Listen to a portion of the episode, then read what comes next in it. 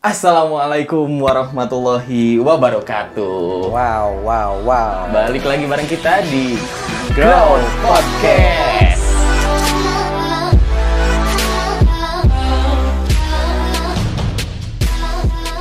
Wow. Perjumpaan kita terhambat sangat lama. Waduh. Ke mana aja nih Bung Iqbal? Waduh, ini sih. Beberapa pekan nih tidak kembali ke Garut. Waduh. Sampai akhirnya eh, podcast kita episodenya sedikit terhambat. delay ya, delay. Iya, delay. Oke, ini sindiran yang cukup eh, apa ya, menekan. Karena kemarin gua sempat ngejanjiin waktu Mhm. dan gua yang batalin sendiri. Salah sendiri. Salah sendiri memang eh, sebelumnya gua mau minta maaf ya waktu beberapa hari ke belakang waktu yang sudah kita tentukan ini tidak bisa gua tepatin tepat waktu. Mhm. Waktu itu ada kegiatan mendadak yang mengharuskan gua kumpul dengan keluarga. Gua harus hadir di acara tersebut ya Oke, gitu. Oke, no problem sih. Cuman eh, apa ya?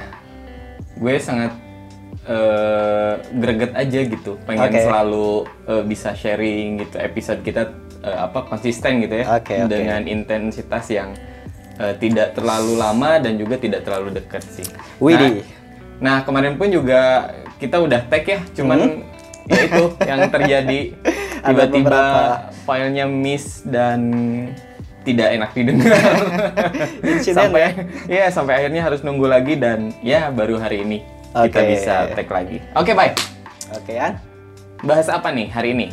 Oke, gua mau menyapa dulu sama teman-teman. Mhm. Teman-teman yang eh, hari-harinya dipenuhi dengan kegiatan-kegiatan Oke. kuliah, eh, apa bekerja, berbisnis, eh, luangkan waktu sejenak untuk mendengarkan kita Asik. ini. itu itu permintaan atau paksaan? Memaksa. Ayolah, luangkan waktu sejenak untuk Iya. bercerita dan Iya. mendengarkan. Oke. Iya minimal ik- ikut apa ya? Ikut tahu apa yang kita rasakan. Oke, An, kembali Oke. lagi kita Mhm. ngebahas apa ya? Eh, Kemarin kita masih membahas tentang masalah perkuliahan. Perkuliahan. mm-mm. Namun itu kan masih secara general. Iya. Eh, kita membahas pertemuan kita di kampus eh, tempat kita berkuliah dulu ya. Mhm. Dan nampaknya hari ini kita harus lebih spesifik ya menceritakan tentang Oke. aktivitas kuliah. Mhm. Siap, siap, siap. Oke, yang mana aktivitas kuliah ini nampaknya memang eh, banyak yang berubah ya. Oke. Banyak yang berubah dari kegiatan-kegiatan eh, atau aktivitas-aktivitas sewaktu di SD, SMP, mungkin SMA dan kuliah itu berbeda jauh dengan Oke. kegiatan tersebut. Aha. Lu ngerasain gak hal tersebut? Iya sih memang jelas sih. Jelas perbedaannya karena memang eh, apa ya? Orientasinya pun juga sudah mulai Nah. wah, udah mulai ditata dengan rapi ketika SMP, SMA, kuliah itu pun udah apa ya namanya? Sudah ditata lah gitu. Oke, lebih tersusun Mm-mm. ya. Kalau kalau jujur saja kalau misalkan SMP, SMA kita lebih apa ngikut aja kita mau sekolah di mana ngikut aja ngikut aja tapi kan beda Oke. kalau kuliah kuliah tuh udah benar-benar kita punya orientasi gitu kuliah di mana Oke. terus pengen jadi lulusan apa gitu Berdasarkan hobi itu. juga. Mhm. Kita biasanya nih pertemanan pun kita mulai selektif ya. iya benar Lu selektif gak memilih teman? eh kalau gue sih lebih apa ya kalau dibilang selektif juga enggak cuman ketika ada temen yang satu visi Oke. satu apa namanya satu tujuan yang sama gitu ya Widih. itu gue seneng tuh nah gue kan eh, pengen banyak nih aktivitas Oke. tuh jadi gue justru semakin banyak mencari teman gitu untuk bisa apa Benar. namanya berbagi gitu kayak gitu sih Nyari relasi. Eh, nyari relasi Dan memang eh, kegiatan perkuliahan ini eh, banyak apa ya namanya orang itu ber- dikelompokkan berdasarkan apa ya hobi mereka. Mhm. Kalau dulu kan kita dikelompokkan misalkan berdasarkan kelas. Kita Iya. pasti bermain eh, dengan teman-teman ya. yang berdasarkan kelas misalkan teman-teman kelas atau apa ya lebih ke jurusan juga misalkan. Iya. Nah, kalau di kuliah ini biasanya memang lebih kepada apa ya? kepada kebutuhan kita. Oke. Kita membutuhkan teman yang seperti apa nih buat Mhm, mencapai iya, iya, benar. goals kita. Mhm. Kayak gitu ya? Iya, iya bener. Dan apa ya, gue pernah dengar dari seseorang yang bilang bahwa eh, kita tuh teman tuh ada ada ada bagiannya gitu. Oke. Ada teman untuk eh, Main-main, main, Oke. ada teman untuk apa namanya? hal serius untuk bisa. grow gitu ya. Oke. Untuk untuk kita bareng-bareng tumbuh gitu. Mm-mm. Ada yang kayak gitu. Dan ada baiknya nih kita eh, ngebahas tentang apa ya namanya orientasi orientasi eh, bukan kelakuan apa ya namanya kegiatan-kegiatan yang dilakukan mahasiswa ketika berkuliah ya Oke, aktivitas mahasiswa gitu ya. aktivitas mahasiswa ya karena memang gue lihat beragam sih Mhm. ketika gue lihat ada mahasiswa yang sambil eh, kuliah ada yang berjualan Oke. ada yang sambil kuliah eh, ada juga sih yang pulang juga ke rumah Mhm, ada yang oke, pacaran ada oke. ada yang punya kegiatan Hmm. ada yang sambil kerja juga sih Oke. hmm. nah itu kan mendefinisikannya bagaimana tuh Yan itu terlalu luas kayaknya Oke, kayaknya gini, Bay. Kita klasifikasikan menjadi dua apa namanya? Du- dua dua jenis gitu ya. dua jenis mahasiswa Yang satu yang akademis, yang artinya mereka hanya fokus untuk kegiatan ke kegiatan akademis di kampus gitu. oke Dan juga ada yang organisatoris tuh. organisatoris Organisatoris itu orang-orang yang aktif di kampus, cuman hanya di apa namanya mereka fokus di kegiatan-kegiatan kampus, organisasi gitu. oke Lo lo ngeh nggak tentang itu? Iya sih, emang secara garis besar memang bisa dikelompokkan berdasarkan dua hal tersebut ya. Mhm. Ada yang memang akademis oriented, Oke. ada yang berdasarkan organisatoris or- oriented. Oriented, mhm. Oke. Iya, benar itu. Gua gua nggak sih, gua nggak sih. Eh, ada orang yang memang ya udah ketika kuliah memang waktu gua yang gua korbankan ya memang untuk belajar di kelas. Selebihnya gua eh, pengen ada waktu buat keluarga pacar mungkin dan yang lain-lain. Ada juga memang yang kebutuhannya banyak yang ketika kuliah artinya kebutuhan sosialisasinya tidak hanya di kelas ya Oke. ada eh, yang ingin dituangkan mungkin eh, untuk hobinya salah Ya. satunya melalui organisasi ini Oke. kayaknya Iya bener. itu kayaknya pas nih ya kita Nah, kelompokkan kita- kita- berdasarkan eh, dua hal tersebut. Dua hal itu. Oke. Oke baik. Kita mulai dari mana nih? Kita mulai dari apa ya? Kayaknya dari ciri-cirinya deh. Ciri-cirinya. Menurut lo nih, ciri-ciri orang yang eh, maksudnya ciri-ciri mahasiswa yang akademis nih gimana nih menurut lo? Akademis ciri-cirinya orang yang sangat haus akan ilmu. haus akan ilmu artinya di sini orientasinya mungkin ke A oriented nilai A. Oke, A oriented. Siap. Nilainya harus A mungkin. I- Dia kalau misalkan dapat nilai C panas dingin dia kayaknya. Asli, asli. Kayaknya dia langsung kapan nih bisa ngulang? Waduh. Atau enggak SP kapan ka- kapan SP? Oke oke, jadi dia tuh lebih kepada orientasinya bagaimana nilainya lebih bagus dan tentu saja ditunjang dengan kerja keras yang bagus juga Oke. mungkin. mhm. Apalagi nih, apalagi? Apalagi ya eh, mungkin lebih banyak mungkin membaca eh, lebih banyak kerja kelompok. Oke. Oke. Gak banyak waktu yang dia buang untuk kegia eh, untuk hal lain selain daripada misalkan untuk orientasinya di akademiknya. Oke. Kalau menurut lu gimana nih? Tapi yang jelas sih kalau yang gua lihat ya eh, mereka yang ketika pulang kampus ya langsung pulang. Ya kita eh, husnudan aja, mungkin Oke. di rumah juga. Mungkin di rumah untuk mengerjakan PR.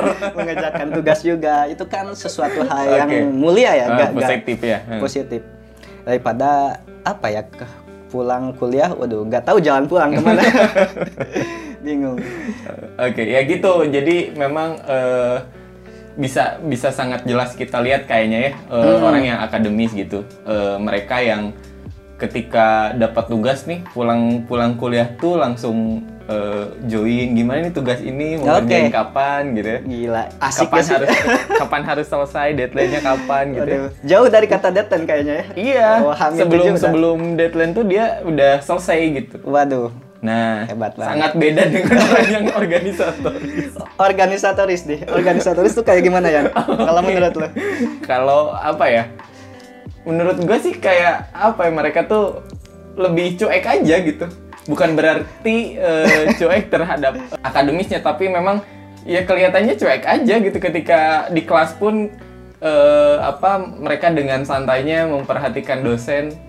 Tapi tapi apa yang disampaikan dosen tuh langsung langsung ngeh gitu, langsung dapat oke gitu. oke oke organisatoris terus apa lagi Apalagi ya?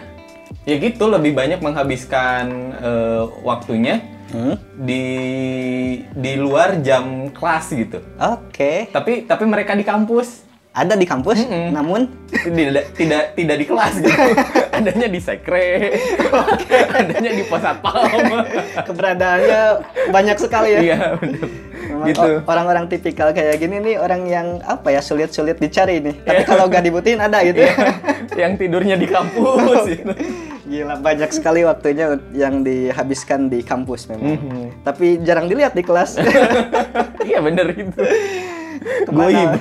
Goib orang-orang seperti ini. Tapi kayaknya ada juga nilai positifnya yang Iya. jangan berpikir kayak gitu dulu nih. masing-masing juga punya nilai positifnya Nilai positifnya menurut lu apa? Apa nih? Eh, Eh, yang akademis ya? Or- organisatoris, kalau yang organisatoris sih nilai positifnya itu pertama relasi. Relasi. jangan jauh-jauh deh kayaknya relasi sama dosennya juga Ah. bisa lebih dekat gitu ya kalau misalkan apa namanya di organisasi. Apalagi dosen yang memang bersangkutan gitu dengan organisasi. Terus apa lagi ya? Menurut lu apa nih? Kalau menurut gua banyak. Eh, kalau banyak teman juga iya. Mhm. Kalau yang positifnya nih biasanya kan kalau organisatoris tuh banyak kumpul-kumpul merencanakan kegiatan. Mhm. Jadi kayaknya lebih ke apa ya sharing pendapat, lebih kayaknya orang-orangnya lebih menggali ide-idenya gitu ya. Lebih menerima pendapat orang lain. Juga terbiasa dengan gesekan-gesekan yang artinya perbedaan pendapat itu biasa aja oke kayaknya. oh iya benar Selain itu eh, kalau kucel itu eh, kucel kucel itu bisa termasuk sih karena mereka tidur di kampus kucel salah satu ciri-cirinya. salah satu ciri-cirinya Oke. Apa ya? nah, apa lagi ya apalagi ya? Eh, mungkin salah satunya itulah. Mungkin teman-teman juga yang relate untuk mendengarkan dengan teman-temannya di kampus nih. Ada nih dua jenis mahasiswa yang kayak gitu. tapi jelas sih karakternya beda Karakternya beda ya? meskipun nih eh, bisa dikatakan orang organisatoris nih ketika di kelas tuh mereka yang tadi gue bilang mereka cuek tapi Hmm? apa yang disampaikan dosen tuh dengan cepat dia terima gitu Oke, benar. Nger- ngerti nggak sih Oke, mungkin kayaknya memang ketika ketika di organisasi eh, ada kajian-kajian khusus yang mempelajari tentang hal tersebut Mhm. dan ketika di dalam kelas, oh ini bukan sesuatu yang baru sebenarnya. Nah, itu kayak gitu mungkin. kayaknya. Mm-mm, mm-mm. Karena memang ya di organisasi ya biasanya kita ketemu sesama anggota organisasi kita sering diskusi bahkan dengan organisasi lain pun juga kita sering diskusi. Mhm. Ya mungkin dari sana kita udah apa paling tidak ada ada ilmu yang mungkin kita lebih dulu bisa tahu nih sebelum diajarkan di kelas. Oke benar. Ya ya sih.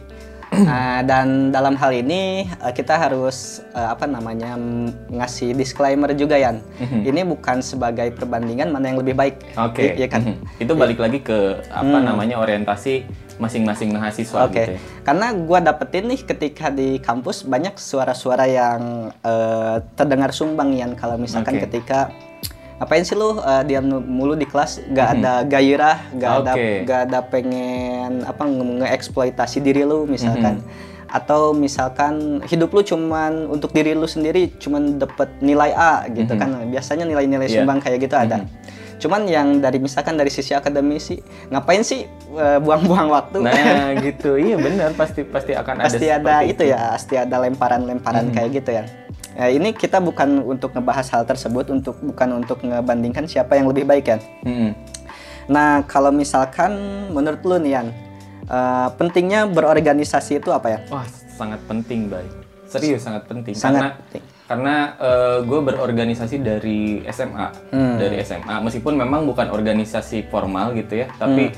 tapi gue dididik sama eh, orang yang memang paham tentang organisasi. paham gitu. tentang Sampai organisasi akhirnya apa ya bikin kecanduan tuh nggak sih? oke. Bikin kecanduan ketika di SMA nih kita nyaman di organisasi. Di kampus nih misalkan setingkat lebih tinggi dari Lebih tinggi. SMA itu eh, apa nyandu aja pengen berorganisasi. Nyandu pengen berorganisasi karena memang eh, banyak hal positifnya yang eh, apa ya nggak bisa dijelaskan dengan dengan apa kata-kata. Kata-kata, tapi tapi gue ngerasain gitu ada ada perbedaan gitu Oke. Ini berarti lebih ke kenapa orang harus berorganisasi karena memang pertama ya kita harus eh, tidak memungkini karena itu asik. karena itu asik. Iya. punya banyak lingkungan itu sebenarnya bagi orang yang tidak introvert itu asik. Eh, Kemudian apa lagi An? Kalau selain asik nih, eh, kenapa orang harus berorganisasi? apa ya lu akan lebih tahu eh, karakter diri lu di organisasi Oke, berarti lebih mendalam itu menggali siapa diri kita di organisasi. Nah ini eh, memang menarik ketika ngomongin manfaat berorganisasi karena biasanya orang yang terlibat di organisasi itu seperti pengalaman lu itu tergantung bagaimana apa namanya latar belakangnya. Mhm. Latar belakangnya orang-orang yang dulu misalkan terlibat di SMP, SMA-nya di organisasi itu akan nyandu ya. oke Mhm. Itu yang pertama Mhm. organisasi organisatoris yang pertama. Yang kedua adalah orang yang memang mencari jati dirinya. ya. oke Mencari karena eh, biasanya organisasi organisasi yang ada itu eh, ada karena memang punya satu tujuan, misalkan berdasarkan bakat dia apa. Kalau yang lebih kompeten di misalkan di olahraga seperti futsal, olahraga, eh, basket, itu mereka akan berkelompok dengan yang satu hobi dengan Oke, dia hmm. dan itu akan membentuk organisasi juga Iya. kesenian mungkin eh, pecinta alam Eh, itu kan di kampus banyak ya UKM UKM untuk hmm, hal oke. tersebut Mhm. itu pentingnya berorganisasi itu lebih terstruktur kayaknya ke Iya. arah tersebut ke tujuannya mungkin dan juga buat gue sih ketika di organisasi ya gitu kita akan nambah aktivitas meskipun memang kalau gue sih orangnya tuh apa ya nggak nggak pernah mau diem bay. Jadi kalau udah diem kalau udah misalkan diem di rumah atau di kosan oke. ya udah pengen diem aja. Jadi untuk meminimalisir itu Hmm. gue harus beraktivitas gitu harus ada aktivitas yang mana di di organisasi lah gue nemu eh, aktivitas-aktivitas yang ya manfaat lah faedah gitu daripada Oke. harus rebahan Widih, asik asik asik. Nah nih kayaknya kalau orang-orang yang gak bisa diam ini eh, yang dulunya kayaknya yang nggak di bedong itu bukan? tidak cicing gitu Sudah cicing. Oke, kalau tentang akademik apa nih? nah ini juga nih yang harus jadi pertimbangan karena gimana pun juga apa ya ada yang bilang bahwa kepentingan kita di akademis ya itu udah menjadi kewajiban kita. Oke, tanggung jawab ya. tanggung jawab kita itu nggak bisa dielakkan lah. Hmm. kita harus juga sama-sama fokus ke sana karena apa ya pada akhirnya kalau misalkan kita mengabaikan sisi itu ya kan bahaya juga gitu kalau menurut gua. Menurut lu gimana nih?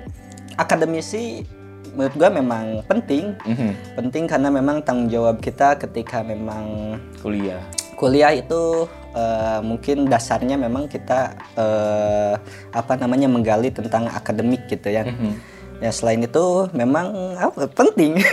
Ya, udah penting. penting, aja. penting aja dari SD, SMP, SMA ya udah metodenya kayak gitu. penting aja. penting udah. aja itu ya penting ya udah penting aja udahlah.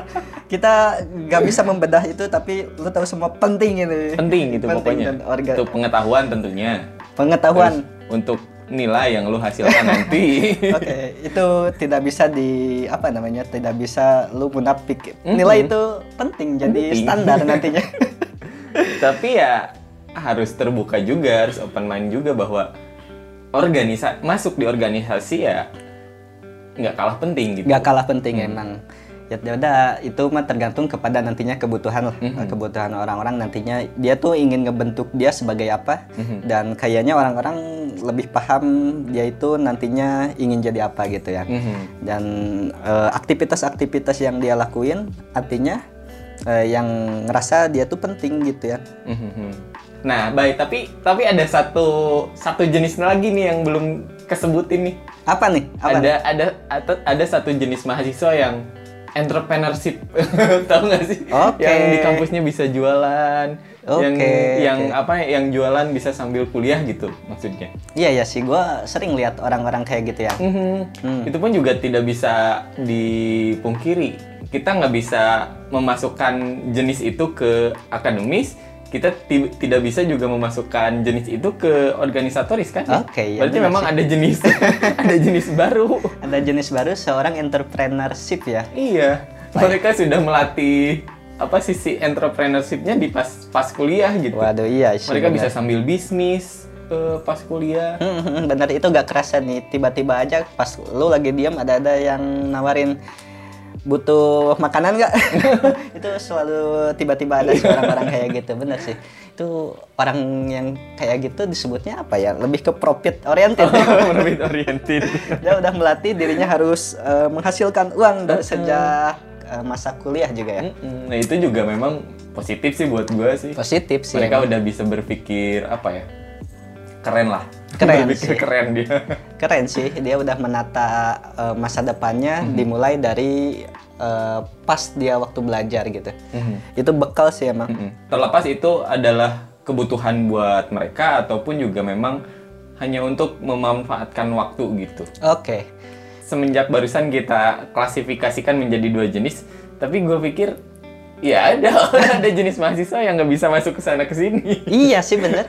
Iya. Cuman gini kan kalau misalkan orang yang entrepreneurship kayak gini, dia tuh nggak pernah ada gesekan tentang akademik, tentang Mhm. organisatoris. Orang yang misalkan di fokus di akademisi ada juga yang berjualan. Orang Ya. yang di organisatoris ada juga yang Iya sih, memang. berjualan juga gitu. Mhm. Cuman itu lebih kepada apa ya? eh, pemanfaatan eh pintar memanfaatkan peluang gitu ya. Mhm, mhm. Oke, orang-orang kayak gitu pintar Iya. memanfaatkan peluang. Mhm, gitu jadi. Semoga anda-anda sukses lah. Amin. Nah, karena memang eh, seperti yang Lutz eh, sering katakan tadi Yan, eh, organisasi ini penting. Mhm. Selain daripada akademik, organisasi ini penting untuk melatih karakter, untuk Nah. melatih interaksi. Mhm. Nah, banyak kan orang-orang yang mungkin eh, bingung nih eh, apa namanya untuk memulai berorganisasi. Ya. Lu punya cara gak buat apa namanya buat ningkatin minat orang berorganisasi? Oke, Yan? nah ini juga menjadi apa ya? Menjadi ini pun juga menjadi salah satu alasan kenapa masih ada mahasiswa yang enggan untuk berorganisasi gitu ya. Hmm. Jadi mereka nggak tahu eh, minat mereka ke mana gitu ya. Oke. Jadi kalau kita nih ya, kalau kalau gue pribadi, gue punya kesukaan, eh, eh, let's say desain grafis Hmm. gue cari eh, unit kegiatan mahasiswa yang bisa eh, gue masukin gitu. Oke. Gue bisa memanfaatkan hobi gue di UKM itu dan akhirnya gue nemu gitu. Oke. Mhm. Oke. Oke. Nah kalau kayaknya kalau misalkan memang eh, masih ada nih temen-temen mahasiswa yang gue bingung harus harus milih ke mana. Hmm, yang bingung-bingung tuh kayak Mhm. gimana tuh cara memancingnya?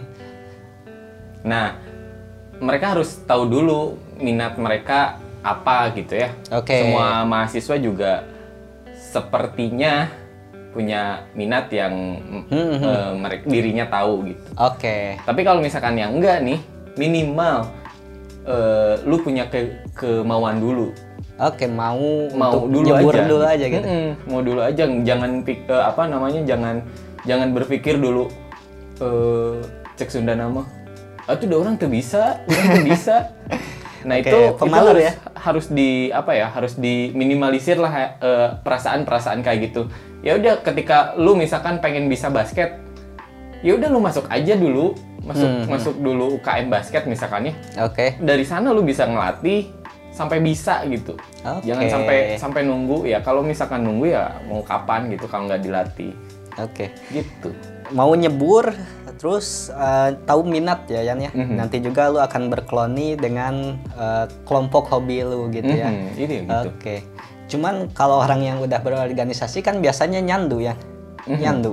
Nyandu udah eh, asik di organisasi biasanya pengen eh, masuk ke organisasi-organisasi lain gitu ya. Oke. Nah itu Sian karena memang eh, ketika kita berorganisasi eh, kita harus benar kata lu tahu minat kita dan Mhm. kita harus berani untuk nyebur dulu minimal Ya. kita ada kemauan dulu Mhm.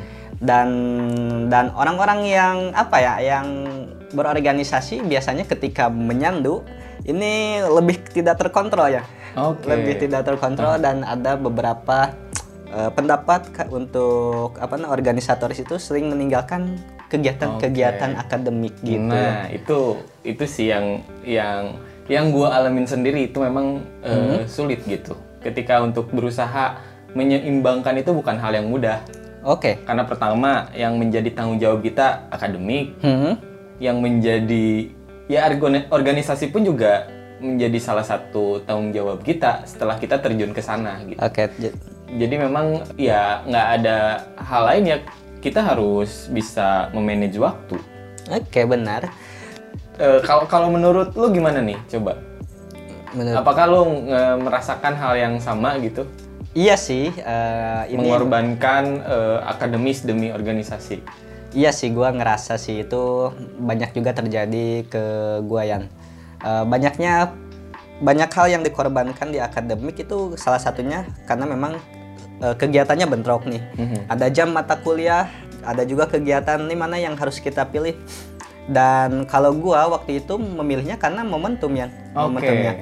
Kalau organisasi itu momentumnya biasanya jarang gitu ya. Ada kegiatan ini jarang tahunan sekali atau misalkan beberapa bulan sekali ketika ada kegiatan.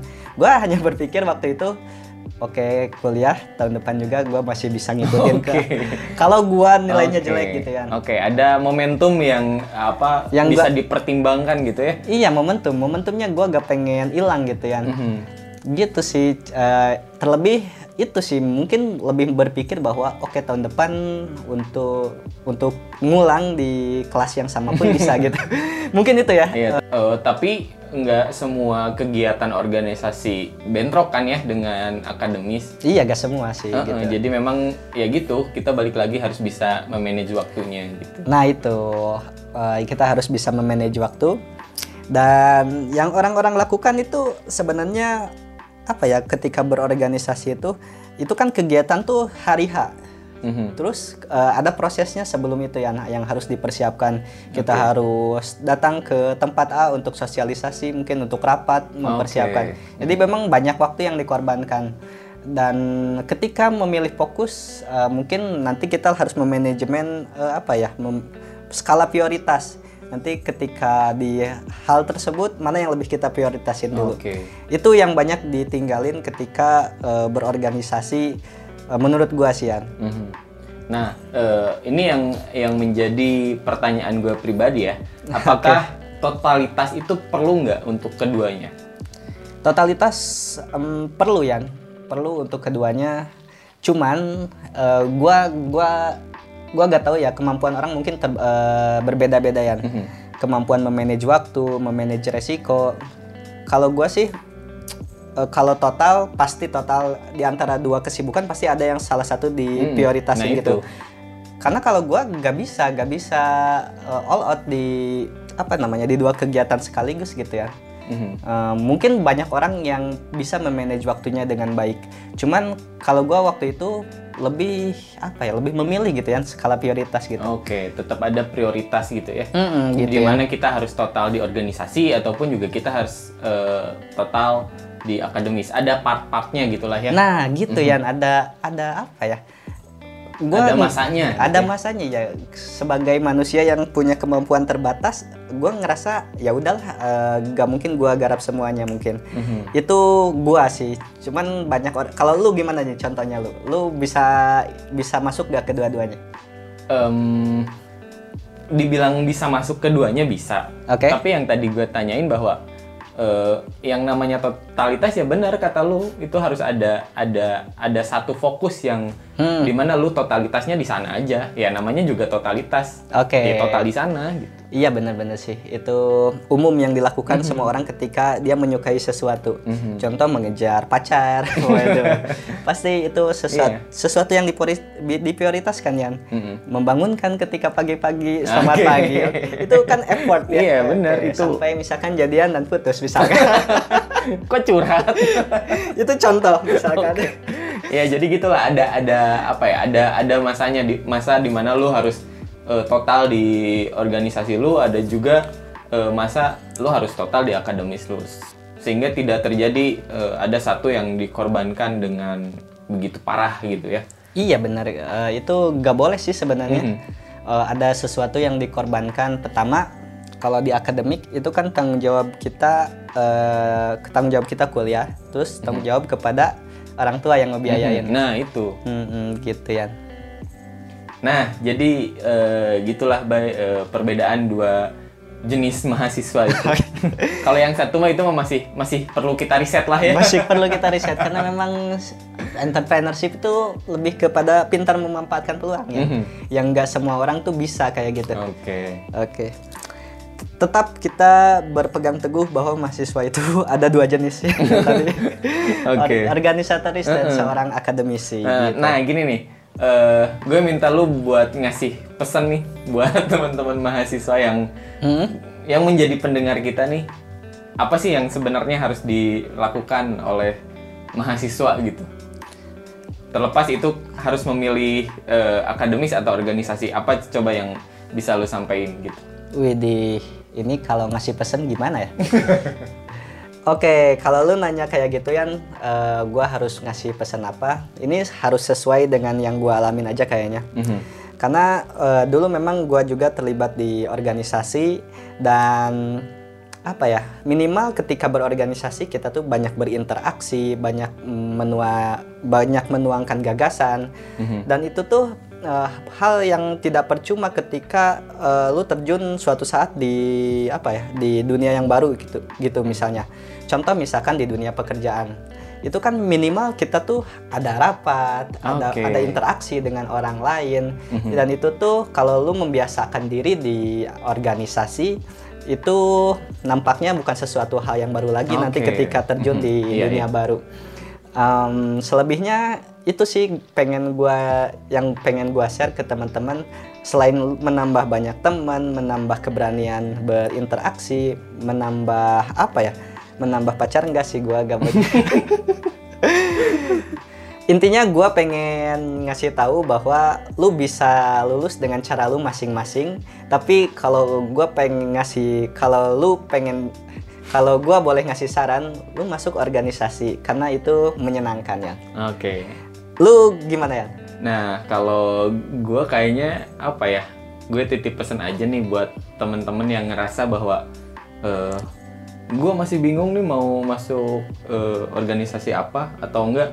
Ah, gue males organisasi karena gue nggak tahu harus ke mana gitu. Oke. Kalau menurut gue sih ya, kalau gue gua boleh titip pesan, lu coba nyebur dulu deh.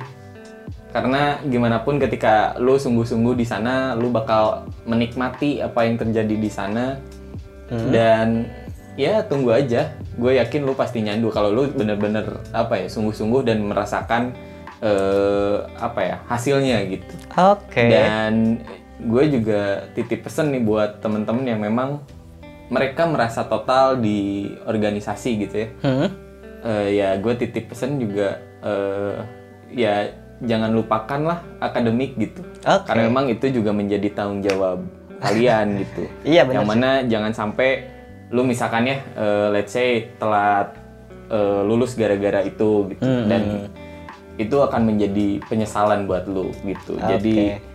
ya coba eh, lu manage waktu lu dengan baik dan coba seimbangkan antara kepentingan lu di akademik dan di organisasi. Itu sih yang pengen gue titipin. Karena ya gitu eh, jangan sampai lu nyesel deh ketika apa namanya setelah lulus kuliah lu nggak dapet apa-apa gitu. Oke, mantap sekali eh, Bung Rian ini. apa ya eh gue ngomong gitu karena karena gue ngerasain sendiri gitu. Oke. jadi gue gue nggak pengen teman-teman merasakan hal yang sama gitu Hmm, ini maksudnya penyesalan di sini karena memang semakin lu lama lulus semakin banyak uang yang dikeluarkan. Nah, itu itu bener banget itu apa yang menjadi beban Beban. beban serius jadi ketika lu mampu untuk lulus ya udah lulus secepatnya gitu Hmm. Ya sih. Ya udah. ya udah udah derita lo gitu maksud lo ya udah. Nah, eh, kalau teman-teman sih menurut gua kembali lagi bisa mencatat eh, apa mengukir eh, mengukir cara lulusnya masing-masing Mhm. ya. ya Dan kalau gua yang ngebahas ini sama lu Yan, eh, ini akan apa ya namanya? Akan gini gini aja kalau Iya. misalkan tentang masalah oh perkuliahan. iya sih bener jadi memang ini hanya hanya sudut pandang kita berdua nih ya Hmm. Padahal eh, padahal memang ada juga mungkin orang yang berpandangan lain gitu ya. Punya pandangan lain termasuk teman-teman mungkin eh, punya pandangan lain tentang cara Hmm. berkuliah yang baik dan benar itu kayak gimana. Oke. Nah, berarti gue harus introduce nih buat Hmm. eh, episode berikutnya yang Episode pernah kita berikut. bahas bahwa di episode berikutnya kita akan coba eh, launching segmen baru. Launching dong. Namanya segmen apa, Bay? Segmen memilih. Memilih, Oke. asik. Lu jelasin apa ya? Memilih itu Nah, apa? memilih ini eh, gue akan coba ajak seseorang nih Aja. yang bisa eh, ikut gabung berdiskusi di sini bareng Mhm. kita, yang mana mereka akan memberikan sudut pandang mereka gitu. Oke, ada warna baru nanti Mhm. tentang sudut Jadi orang pandangnya. yang kita pilih akan memberikan eh, sudut pandang yang baru di antara kita berdua gitu. Jadi Oke. memang eh, kita benar-benar coba buat memilih siapa nih yang akan menjadi lawan kita bicara di episode berikutnya. Oke, itu akan menjadi hal menarik nih. Mhm. Banyak sudut pandang baru tentang apa yang kita bahas. Mhm. Nah, jadi eh, teman-teman tetap stay tune di Growth Podcast. Mhm. Ya mudah-mudahan apa yang mungkin disampaikan oleh seseorang yang kita pilih nanti itu juga sedikitnya mungkin bisa memotivasi teman-teman ataupun juga bisa apa ya memberikan sedikit wawasan atau Iya, inspirasi buat teman-teman gitu ya. Oke. Eh, Dan lebih mewakili mungkin nanti perasaan teman-teman ketika dia menyampaikan. Nah, itu Oh, dia. Oke, benar. Dan untuk kali ini Kali ini apa lagi ya? kayaknya Sebenarnya gue masih pengen diskusi panjang lebar sih tentang ini, Bay. Tapi Iya sih, benar. karena apa ya?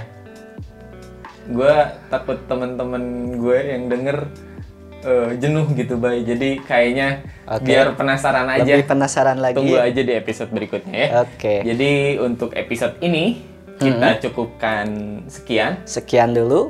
Terima kasih bagi teman-teman yang kembali meluangkan waktu dan kuotanya, Mengorbankan kuotanya. kuotanya mendengarkan kita. Karena kita berpandangan bahwa orang yang miskin itu sebenarnya orang yang miskin interaksi, teman-teman. Nice, gila bahasanya. Curhat adalah media yang paling apa ya? Media untuk menyalurkan eh, mungkin perasaan, menyalurkan ide gitu. Mhm. Eh, dan ini juga salah satu eh, media baru untuk melakukan obrolan, mungkin medianya berbeda aja gitu. Nah, dan tidak menutup kemungkinan nih kalian yang sekarang lagi denger kita undang buat di sini ya. Oh, nggak, nggak itu menutup lebih menarik. kemungkinan tuh. Iya sih, itu akan menarik sih kalau Mhm. teman-teman misalkan eh, mau dan ada waktunya kita sharing di sini. Iya, kita dengan terbuka ya kalau misalkan memang eh, mau bersedia ya, ayo gitu. Oke, menambah silaturahmi. Nah, itu.